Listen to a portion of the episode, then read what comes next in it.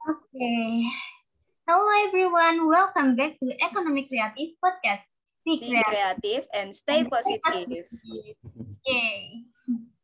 Nah, seperti biasa nih kawan-kawan, tentunya di setiap episode Ekonomi Kreatif Podcast selalu ada hal yang baru dan menarik. Nah, sebelumnya kenalan dulu nih, namaku Safira Nazifa dari Fakultas Vokasi dan juga anggota GEMA Ekonomi Kreatif UNED yang bakal menemani diskusi kalian pada podcast kita saat ini. Oh ya, di sini aku nggak sendirian loh, ada Alfa sebagai rekan sama MC aku kali ini. Hai Alfa, boleh dong kenalan dulu? Halo Kak Vira. Oke, kenalin ya. Aku Alvanora Fitria dari Fakultas Teknologi Maju dan Multidisiplin, juga anggota Gema Ekonomi Kreatif UNER nih tahun ini sama kayak Kak Vira. Aku di sini nemenin Kak Vira nih buat ngobrol-ngobrol seluruh hari ini. Udah tahu belum kita mau bahas apa? Di topik kali ini kita bakal bahas tentang pentingnya bisnis plan dan branding produk dalam memulai usaha bersama narasumber kita nih yang keren banget. Hai Kak Jaishu. Halo. Apa kabar Kak? Boleh ya, dong baik. kenalan dengan kami? Ya, jadi uh, kalau yang belum kenal, uh, nama saya Jais. Uh, saya di sini sebagai narasumber yang kebetulan diundang. Jadi uh, boleh langsung aja MC-nya buat selanjutin. Oke, keren Kak Jais ini keren banget loh guys.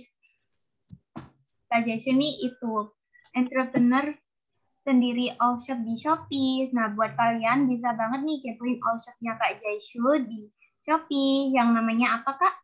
Hypnosis.co. Nah, namanya hypnosis Hypno, hypnosis. Hypnosis nah hypnosis.co ya kawan-kawan. Bisa dicek nanti di link yang nanti kita sebar kok kawan-kawan. Ya, pastinya banyak banget produk-produk menarik yang ditawarkan oleh all shopnya Kak Jais ini. Oke, lanjut.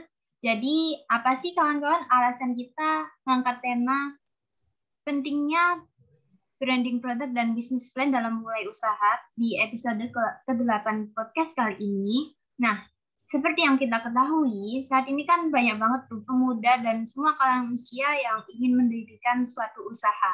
Namun sering kali mereka tuh menyerah di pertengahan jalan karena mengalami kendala, baik di permasalahan modal, tahu sedikit terjualnya produk sehingga tidak mencapai target penjualan dan tidak mempunyai keuntungan karena kurang mengetahui bagaimana sih cara menarik perhatian konsumen dan lain-lain. Nah itu sayang banget kan kalau kita udah keluar banyak modal tapi hasilnya nggak sesuai harapan yang mana bisa membuat kita down.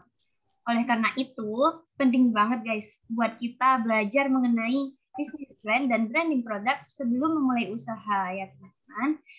Nah untuk itu, tanpa menunggu lebih lama lagi, langsung aja nih kita tanya-tanya ke Kak Jaisu. Ya kan, Alfa? Bener banget, Vira. Nah, aku dulu nih yang mau tanya dulu nih ke Kak Jaisu. Mm-hmm. Kak, ini kakak ini sedang menge, apa, menjalani bisnis apa sih, Kak? Dan apakah bisnis yang kakak jalani ini tim atau individu nih? Uh, jadi gini, uh, saya kan awalnya emang uh, suka ya.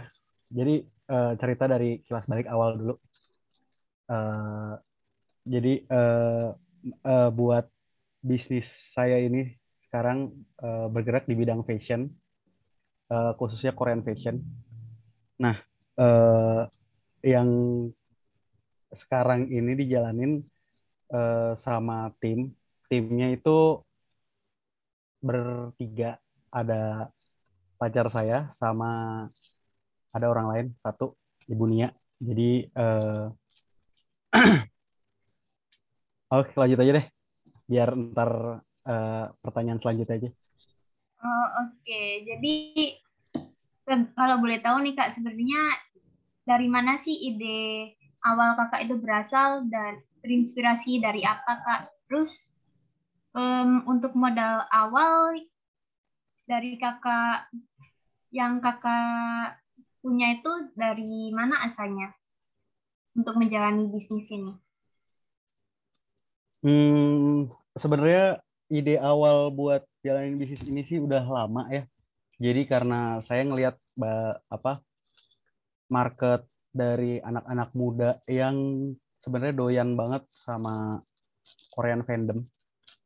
itu kan booming banget tuh kebetulan di Indonesia. Nah, kebetulan juga bahwa brand-brand besar itu jarang ngelihat ke situ, belum ada sama sekali.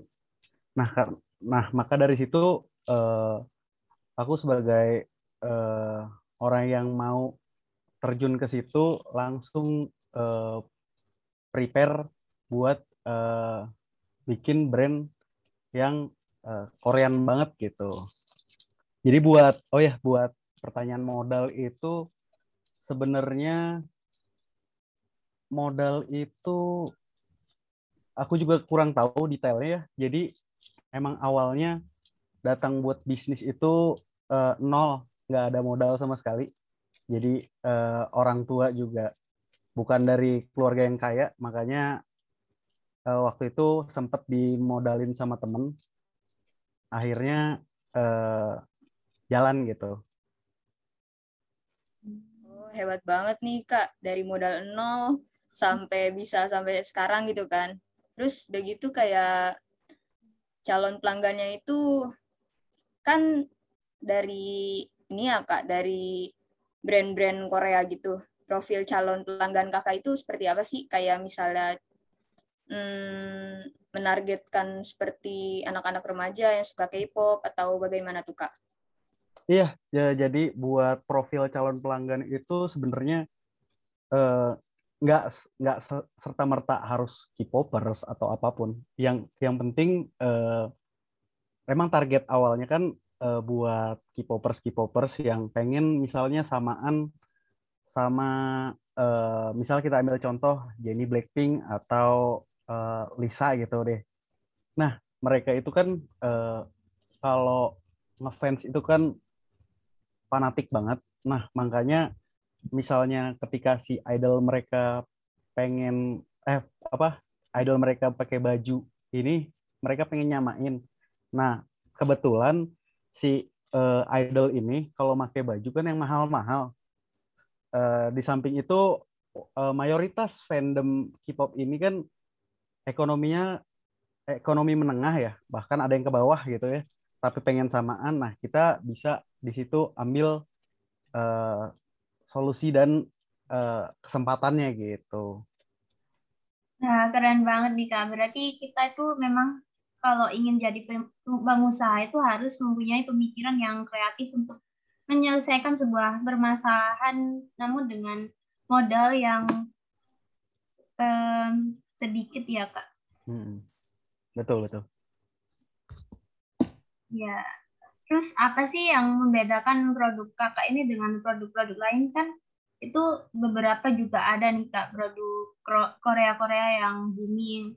Terus um, gimana tuh kak cara kakak buat um, membuat produk kakak itu menjadi menarik? Maksudnya uh, banyak terus perang harga apa gimana nih? Ya keduanya kak mungkin bisa berbanding oh. harga atau Ya, ya. Jadi gini, uh, buat bisnis ini sebenarnya emang kadang-kadang kan banyak uh, kompetitor udah pasti ada lah ya dengan produk yang misalnya hampir mirip-mirip atau sama. Nah, kita ngakalinnya uh, banyak yang kita lihat tuh banyak dari uh, kompetitor kita itu impor produknya dari Cina.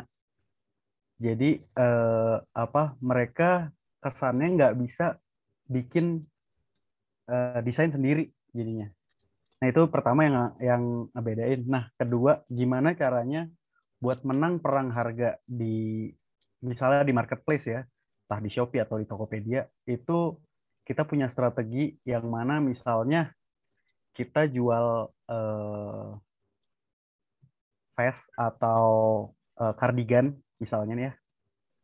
Di situ misalnya kompetitor uh, naruh harga lima puluh ribu tapi uh, kita nggak bisa tuh naruh harga lima puluh ribu karena modalnya apa karena profitnya sangat tipis nah ngakalinnya buat perang harga itu lebih ke arah kita tambahin value barangnya contohnya gini misal kita jual kardigan nah barang pelengkap kardigan misalnya misalnya tank top uh, kita cari di Shopee juga itu ada harga yang lima ribuan gitu atau sepuluh ribuan nah itu uh, misalnya kardigannya bisa kita jual eh, seratus ribu free tank top yang tadi kita beli 10 ribuan tadi, tapi dengan value yang berbeda. Jadi kayak free tank top uh, senilai 30 ribu, orang ngiranya kita kita kita iming-imingi 30 ribu, dan orang akan ngira itu jadi kayak, wah untung banget nih beli cardigan harga sini ada tank topnya kayak gitu.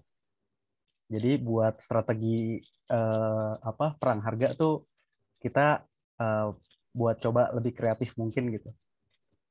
Oh iya, benar-benar. Berarti kita harus uh, setidaknya mempunyai ngasih apa itu kayak iming-iming kepada pelanggan khususnya ada bonus ini itu padahal hmm. harganya cuma segini hampir hmm. hampir sama lah dengan yang lainnya tapi bisa mendapatkan dua produk gitu ya kak iya betul Nah, dari pelanggan-pelanggan itu tuh gimana sih Kak cara Kakak mencapai target segmen pelanggan dengan biaya yang efektif gitu Kak? Oh, ik budget iklan apa gimana nih? Hmm, apa aja Kak? Oh, buat buat nyampe apa buat buat produk kita tuh kecapai gitu ke target market kita. Iya, benar Kak. Dengan hmm. biaya yang cukup efektif gitu Kak. Sebenarnya sih uh, waktu itu lihat peluangnya kayak misalnya udah produk aku kan yang uh, waktu itu sempat booming tuh Fast ya. Rompi, rompi. Jadi uh, waktu itu lebih ngeliat kompetitor jualan Fast, tapi uh, warnanya pilihan warnanya nggak ada. Jadi kayak hitam putih, hitam putih.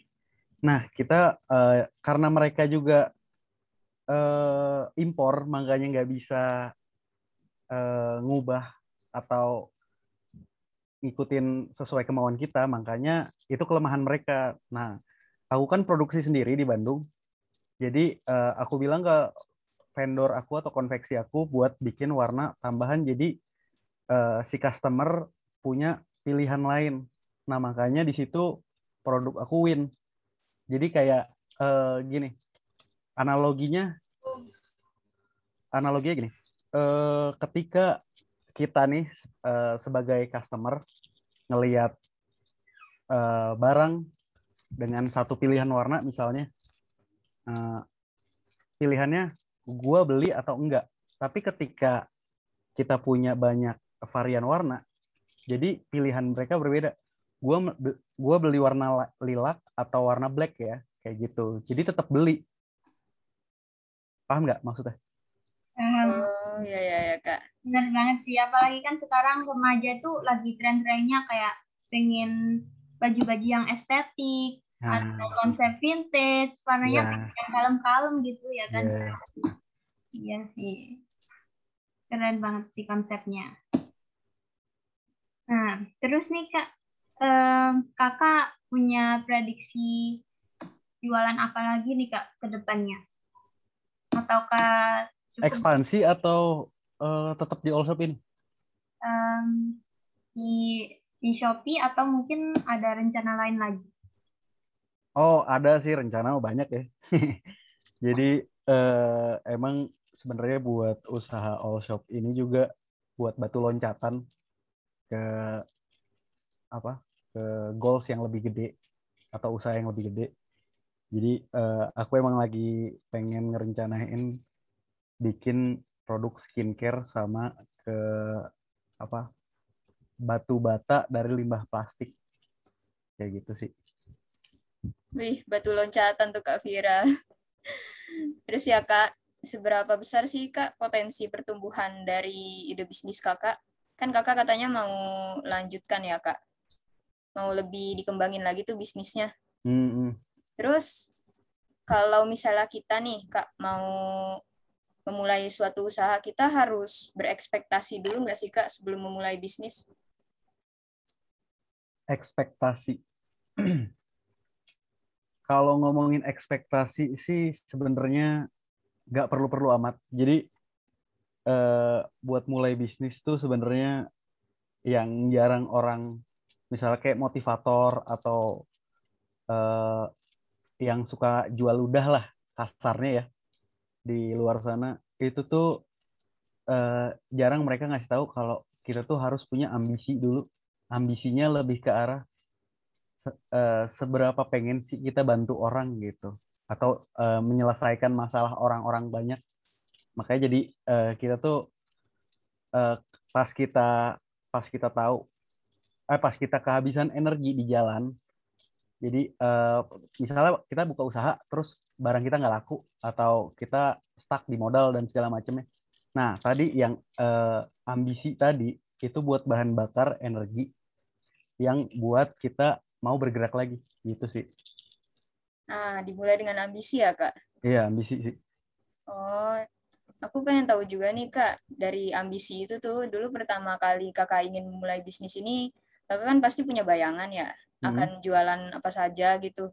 Berapa Kak, berapa kira-kira untung yang akan didapatkan? Nah, itu dalam nyusun itu semua, menurut Kakak penting nggak sih, Kak, memulai apa, kayak Oh. mementingkan bisnis plan?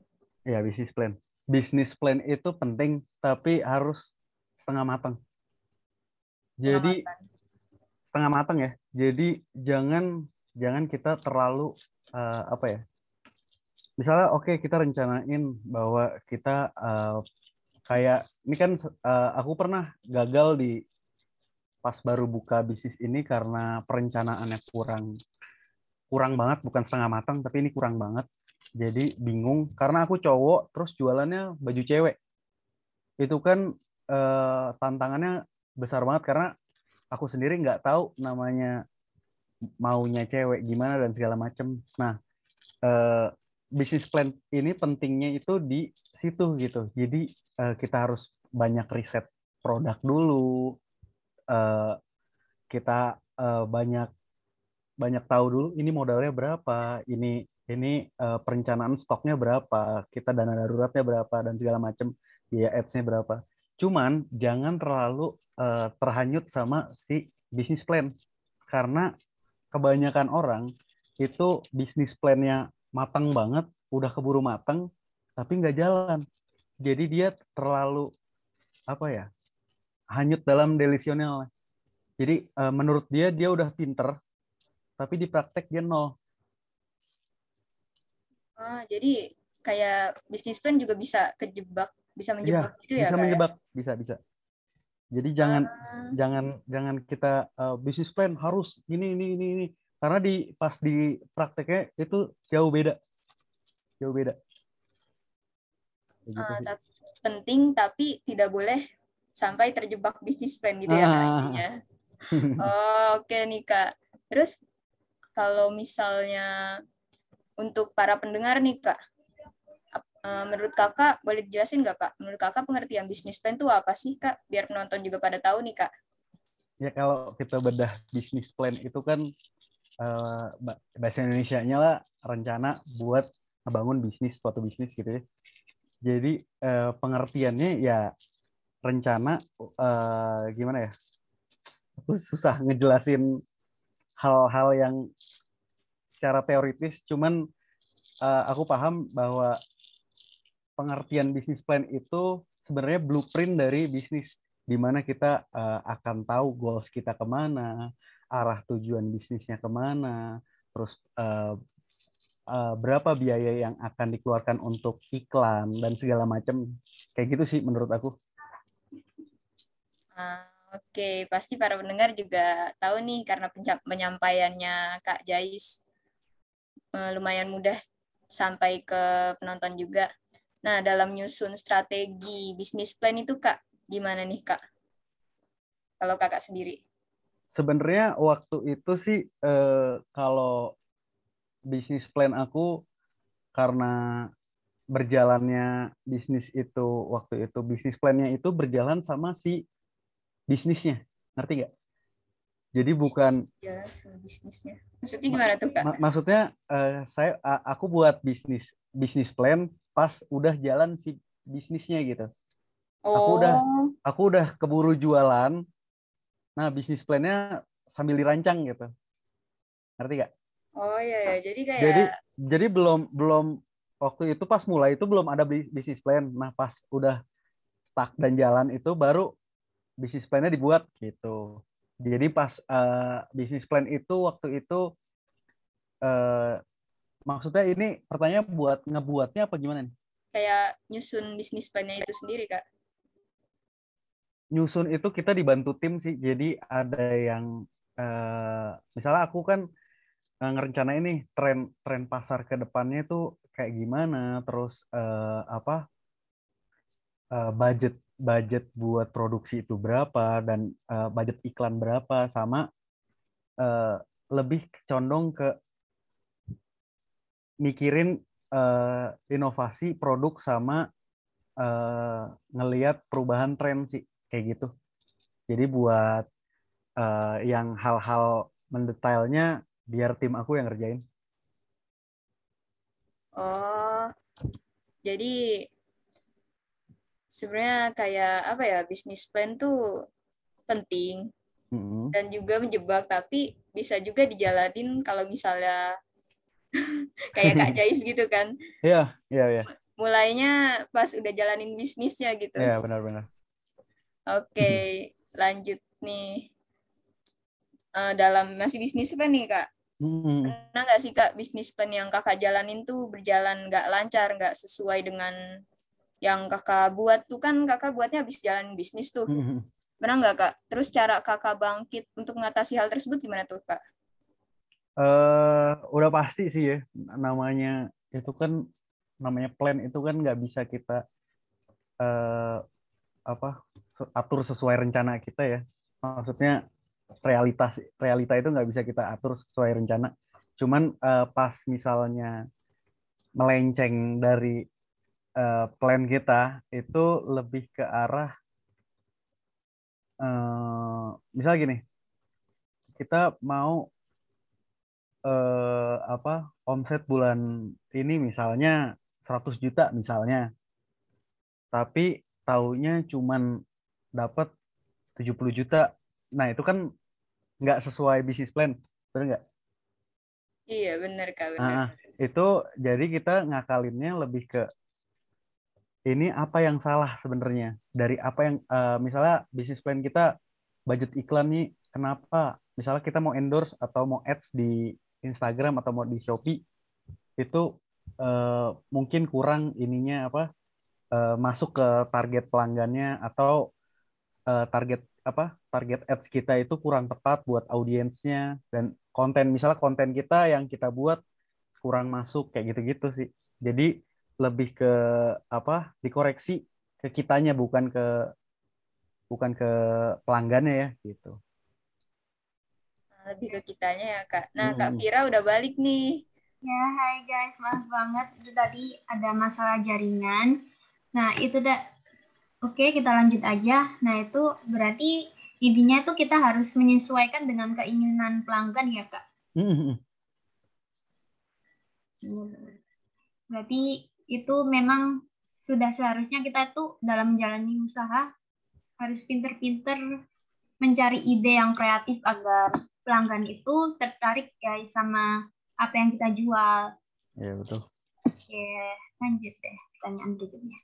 Uh, setelah berpengalaman dan akhirnya sukses nih kak dalam menjalankan bisnis, menurut kakak gimana sih cara yang tepat dalam menyusun bisnis plan? Terus apa nih kak poin ter poin terpenting dalam menyusun bisnis plan itu? Poin terpenting. Tadi ya. pertanyaannya gimana? Maaf.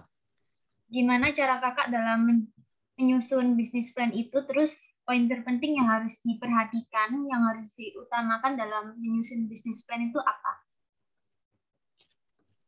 Cara aku sih sebenarnya cara-cara yang kurang apa ya? Kalau di misalnya orang lain ngikutin juga eh, nggak karena nggak apa ya berdasar baik by experience sih lebih ke arah misalnya uh, jadi kan karena waktu itu aku nyusun bisnis plannya sambil jalan bisnis jadi waktu itu uh, apa uh, kita misalnya uh, apa jualan produk yang ini terus bisnis plannya taunya produknya nggak laku.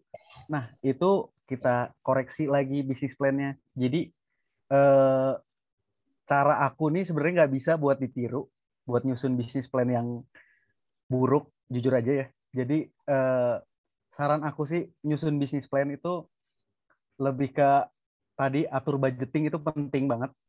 Terus sama uh, karena kita juga gimana ya, udah pasti orang-orang yang mau terjun ke bisnis tuh modalnya nggak nggak sebanyak perusahaan-perusahaan besar gitu ya. Jadi budgeting itu paling penting yang mana ntar buat uh, gaji diri sendiri, terus misahin uang uang pribadi sama uang di bisnis, terus uh, apa caranya bangun tim atau bangun sistem yang mana si tim tim kita itu bisa kerja tanpa kita suruh gitu. Nah di situ tuh yang yang harus kita iniin banget, tekenin banget buat di bisnis plan itu. Oke, berarti kita itu dalam mulai bisnis itu harus pinter-pinter banget memanajemen uang ya kak agar iya, ya, iya benar. habis. Benar banget nih kawan-kawan. Terus uh, menurut kakak apa sih yang terjadi jika seseorang itu ingin memulai usaha tapi tidak mempunyai bisnis plan yang jelas? Ini kayak aku nih jadinya. Iya benar-benar tuh kak. Berdasarkan pengalaman aja. Iya ya. Jadi kalau uh, waktu itu nih ya, uh, karena aku juga nggak orang yang nggak bikin bisnis plan dengan jelas, itu udah pasti waktu itu aku uh, pengalaman aku buka bisnis itu dua bulan barang nggak laku sama sekali.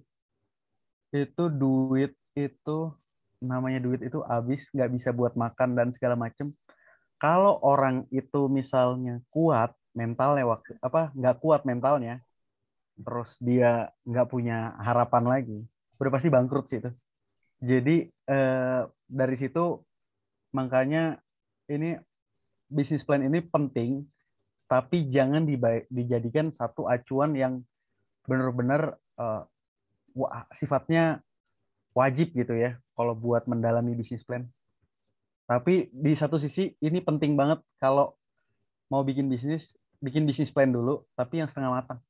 Intinya itu. Oke, Kak. Berarti selain bisnis plan itu kita juga harus mempunyai niat dan tekad maupun mental yang kuat ya, Kak. Iya, ambisi sih tadi.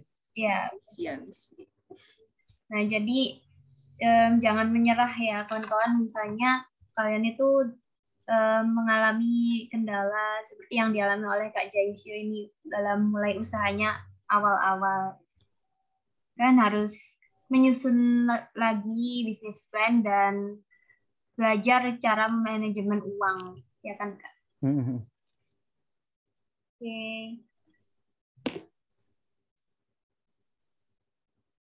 Nah, ini nih selain bisnis plan, tentunya kita dalam jalani usaha kan harus pintar-pintar tuh Kak ya mempromosikan produk kita. Hmm. Nah, gimana sih Kak cara mempromosikan produk kita ketika awal-awal mulai usaha? Apa langsung lancar dan uh, emang sih tadi nggak nggak banyak pembeli ya Kak? Mm-hmm. Terus hmm, oh, gimana ya Kak? Branding ya maksudnya? Enggak enggak kayak oke deh lanjut aja Kak lanjut ke branding Menurut kakak penting nggak sih kak branding produk tuh kak? Oh branding. Jadi branding itu penting banget. Itu tuh uh, ibaratnya identitas uh, kalian gitu. Jadi brand brand kalian itu implementasi dari diri kalian sendiri. Uh, jadi gini, uh, ketika ketika ada misalnya uh, merek satu merek, misalnya gini, branding uh, branding yang paling paling uh, sukses ibaratnya kayak kalau uh, aku nih nyebut misalnya kalau aku nih misalnya uh, nyebut kata merek sepatu uh, apa ya uh, dodol sepatu dodol. Pasti kalian nggak tahu sepatu dodol itu apa. Tapi di, di kalau kita ngomong brand Nike, pasti yang ada di otak kita tuh itu tuh uh, brand sepatu gitu. Nah itu tuh yang penting Jadi uh, tanpa misalnya kalau aku nih pengen nyebut brand aku uh, Hypnosis.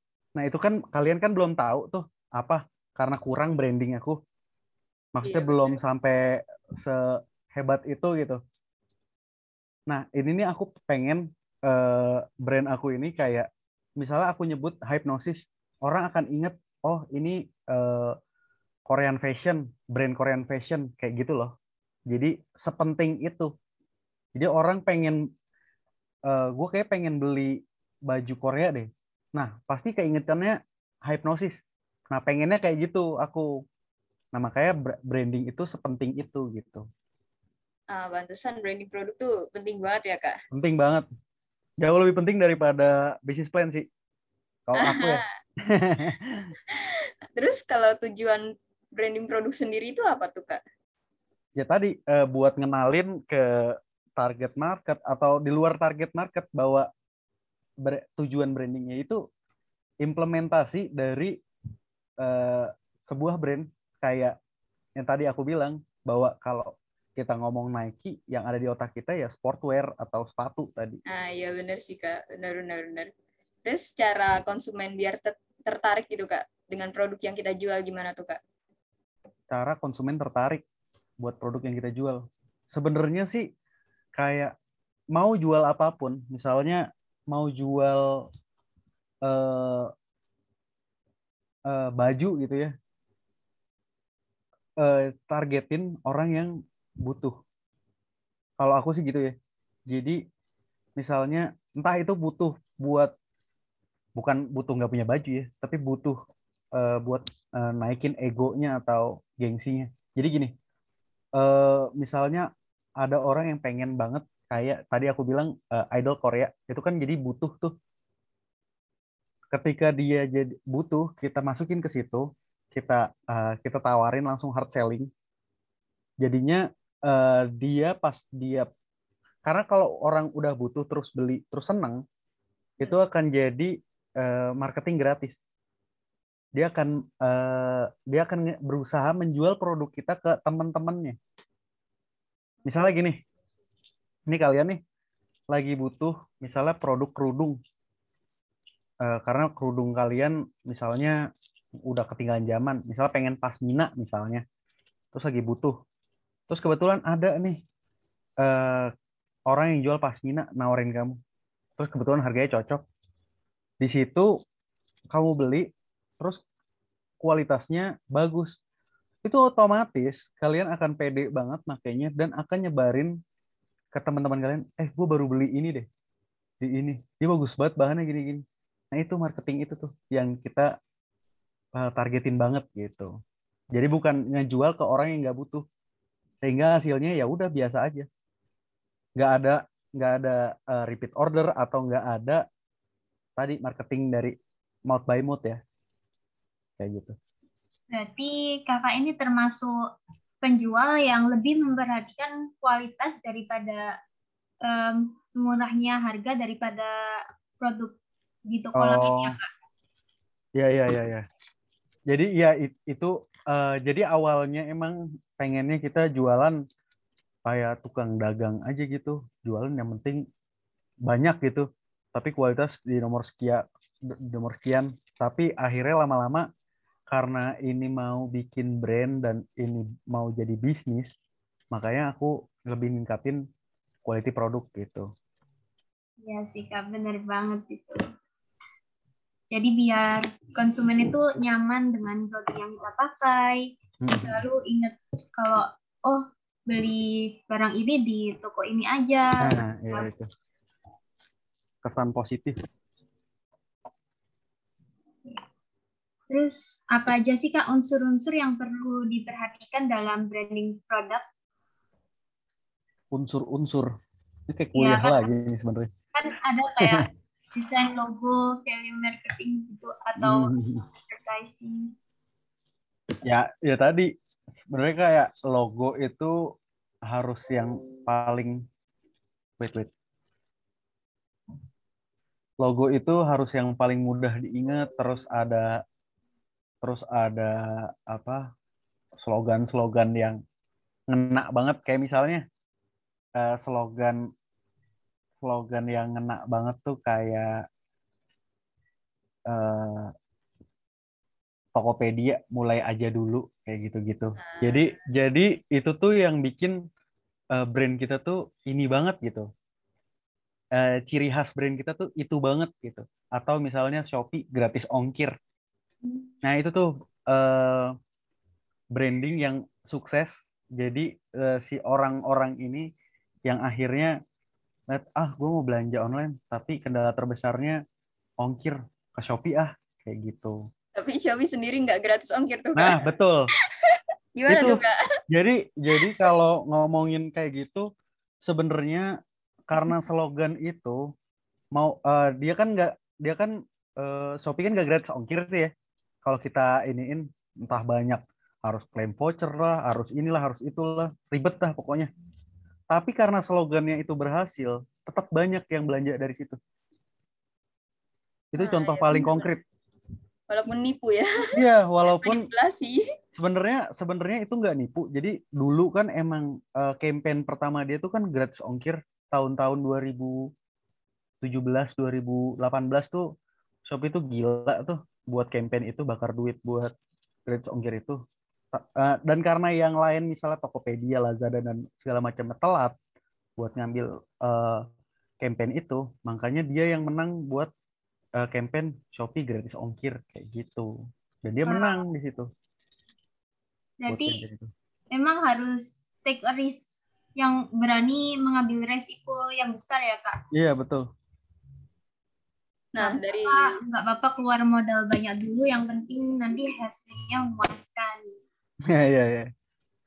Iya tuh benar banget tuh Kak Wira itu itu uh, role model biasanya startup yang suka bakar duit sih lebih ke bakar duit dulu kayak uh, misalnya gratis ongkir cashback dan segala macamnya ntar uh, masyarakat udah nggak bisa lepas kayak misalnya Gojek nih GoFood dan segala macam masyarakat udah nggak bisa lepas dari itu. Udah dia mereka ngambil untung sebanyak banyak sistem mereka emang gitu. Jadi uh, tergantung ya ada yang maunya langsung untung ada yang mau rugi dulu. Ya tergantung kita kiblatnya ke mana gitu.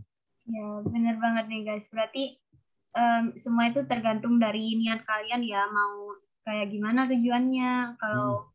Mempunyai modal besar bisa dicoba cara yang seperti startup startup tadi tapi kalau nggak punya ya mulai dulu mulai ah. dulu dari usaha kecil nanti pasti juga lama-lama bisa kok sukses kayak kata iya. Kak Jaisini ya kan Alfa benar nah ini soal pelanggan nih. Tadi kan pelanggan banyak batu yang tertarik. Gimana sih Kak cara menumbuhkan kesetiaan para pelanggan Kakak supaya nggak pindah gitu Kak? Supaya benar-benar demen, lebih demen malah sama produk-produk Kakak. Sebenarnya uh, di di bisnis itu bukan cuman bicara produk ya. Jadi ada value yang lain. Kayak kita nih berusaha mungkin kenapa banyak banyak dari pelanggan kita juga uh, repeat order dan segala macam itu atau misalnya teman aku atau adik aku uh, udah beli kayak gitu. Banyak yang laporan ke kita. Jadi sebenarnya uh, kesan pertama itu uh, apa personal kayak waktu itu kan aku ngurus admin juga chat ya. Yang yang mana waktu itu gilanya itu chat itu bisa sampai ribuan per hari. Nah, di situ di situ uh, aku ngeladenin chat itu bener-bener kayak ke personal banget. Lebih kayak misalnya kalau yang also-also besar kan uh, ngeladenin chat tuh se seadanya se kayak jutek lah atau misalnya nggak mau nanggepin yang pertanyaan nggak penting. Tapi kalau kita uh, treatmentnya beda. Contoh waktu itu gini, uh, mereka eh waktu itu ada satu orang mereka nanya ke aku walaupun waktu itu lagi hektik-hektiknya ya chat itu sampai ribuan itu. Terus ada yang nanya kak mau tanya dong iya gimana? Eh aku pengen buku tahunan terus uh, aku peng uh, terus stylenya tuh kayak gini kayak gini kayak gini jujur aku nggak nggak tahu tuh style itu. Aku sampai searching dan research dulu buat uh, rekomendasiin dia outfit apa yang dia pakai buat uh, buku tahunan. Ini disclaimer dia tuh nggak beli barang ke kita tapi dia nanya. Tapi tetap aku layanin buat sampai di research dulu gitu. Nah itulah kesan yang aku ngerti itu uh, kita nggak dapat apa-apa ngapain sih capek-capek. Tapi uh, di pikiran aku itu tuh investasi di mana ntar kalau dia nyari dia pasti ke kita. Karena mereka karena uh, customer tadi udah ngerasa bahwa wah gue udah dibantu kenapa gue nggak bantu balik? Kayak gitu. Jadi kesan kayak gitu tuh yang personal personal dari si uh, penjual sama ke pelanggan tuh harus lekat gitu. Jangan sampai dibuat kecewa. Hmm, gitu. Berarti kita harus selalu memberikan kesan yang baik ya kak bagi pelanggan. Iya. di, di samping produknya ya.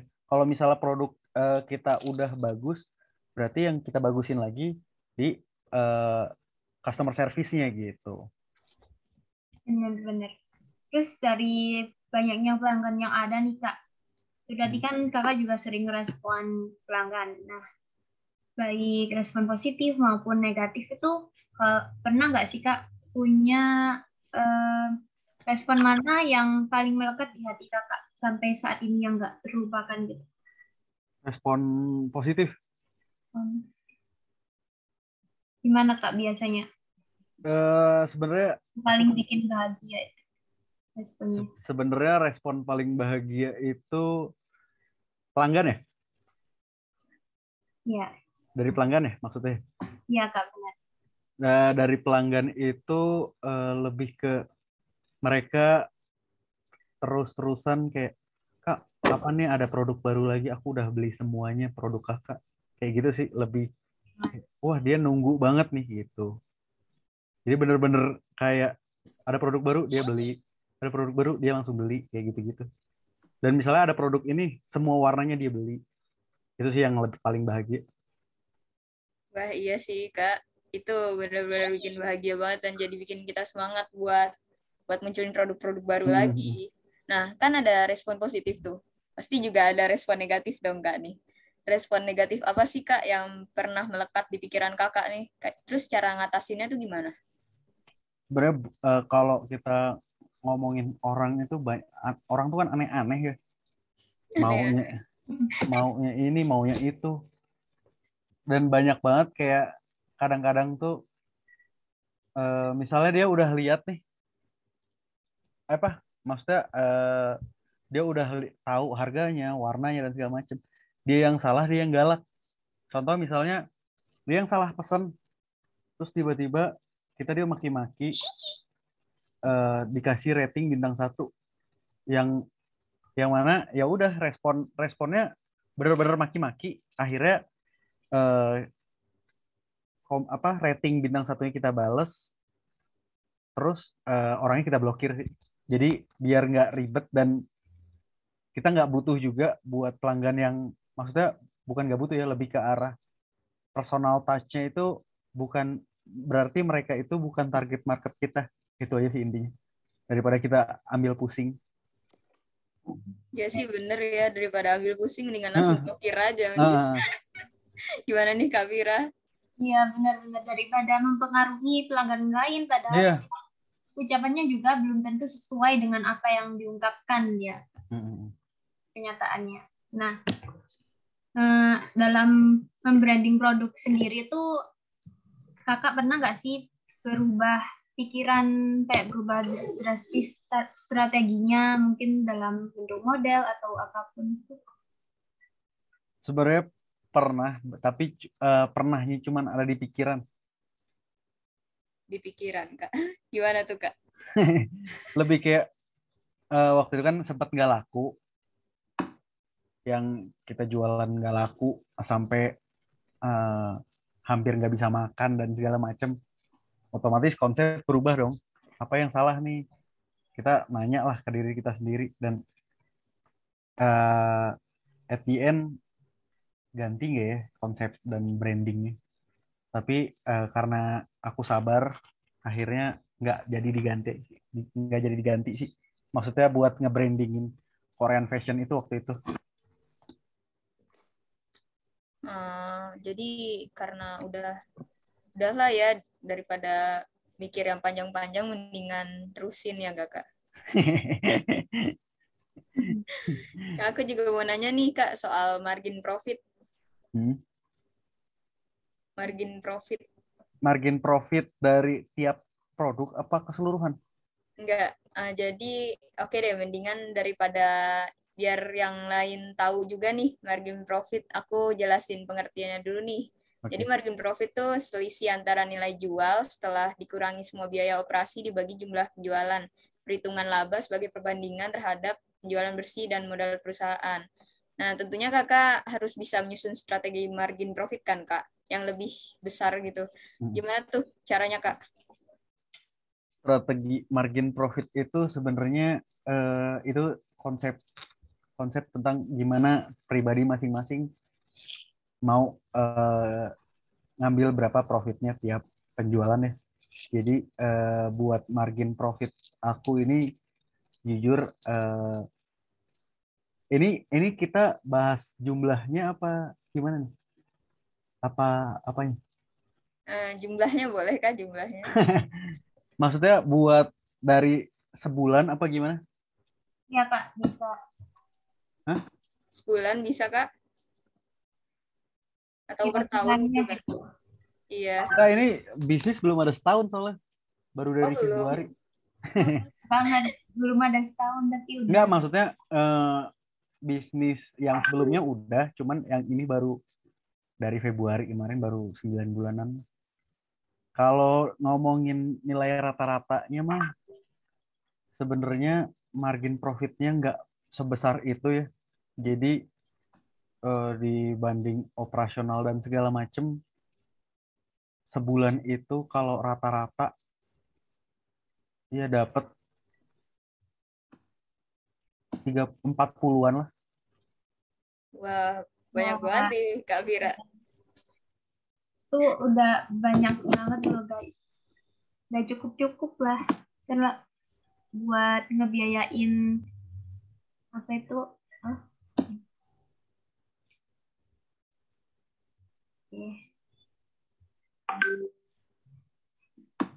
Jadi ada yang punya bisnis nggak di sini?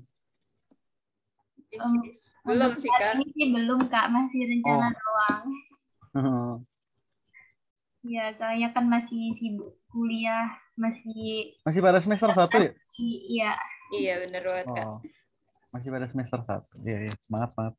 Kasih pesan dong, Kak, buat kami yang ingin mulai usaha ini, gimana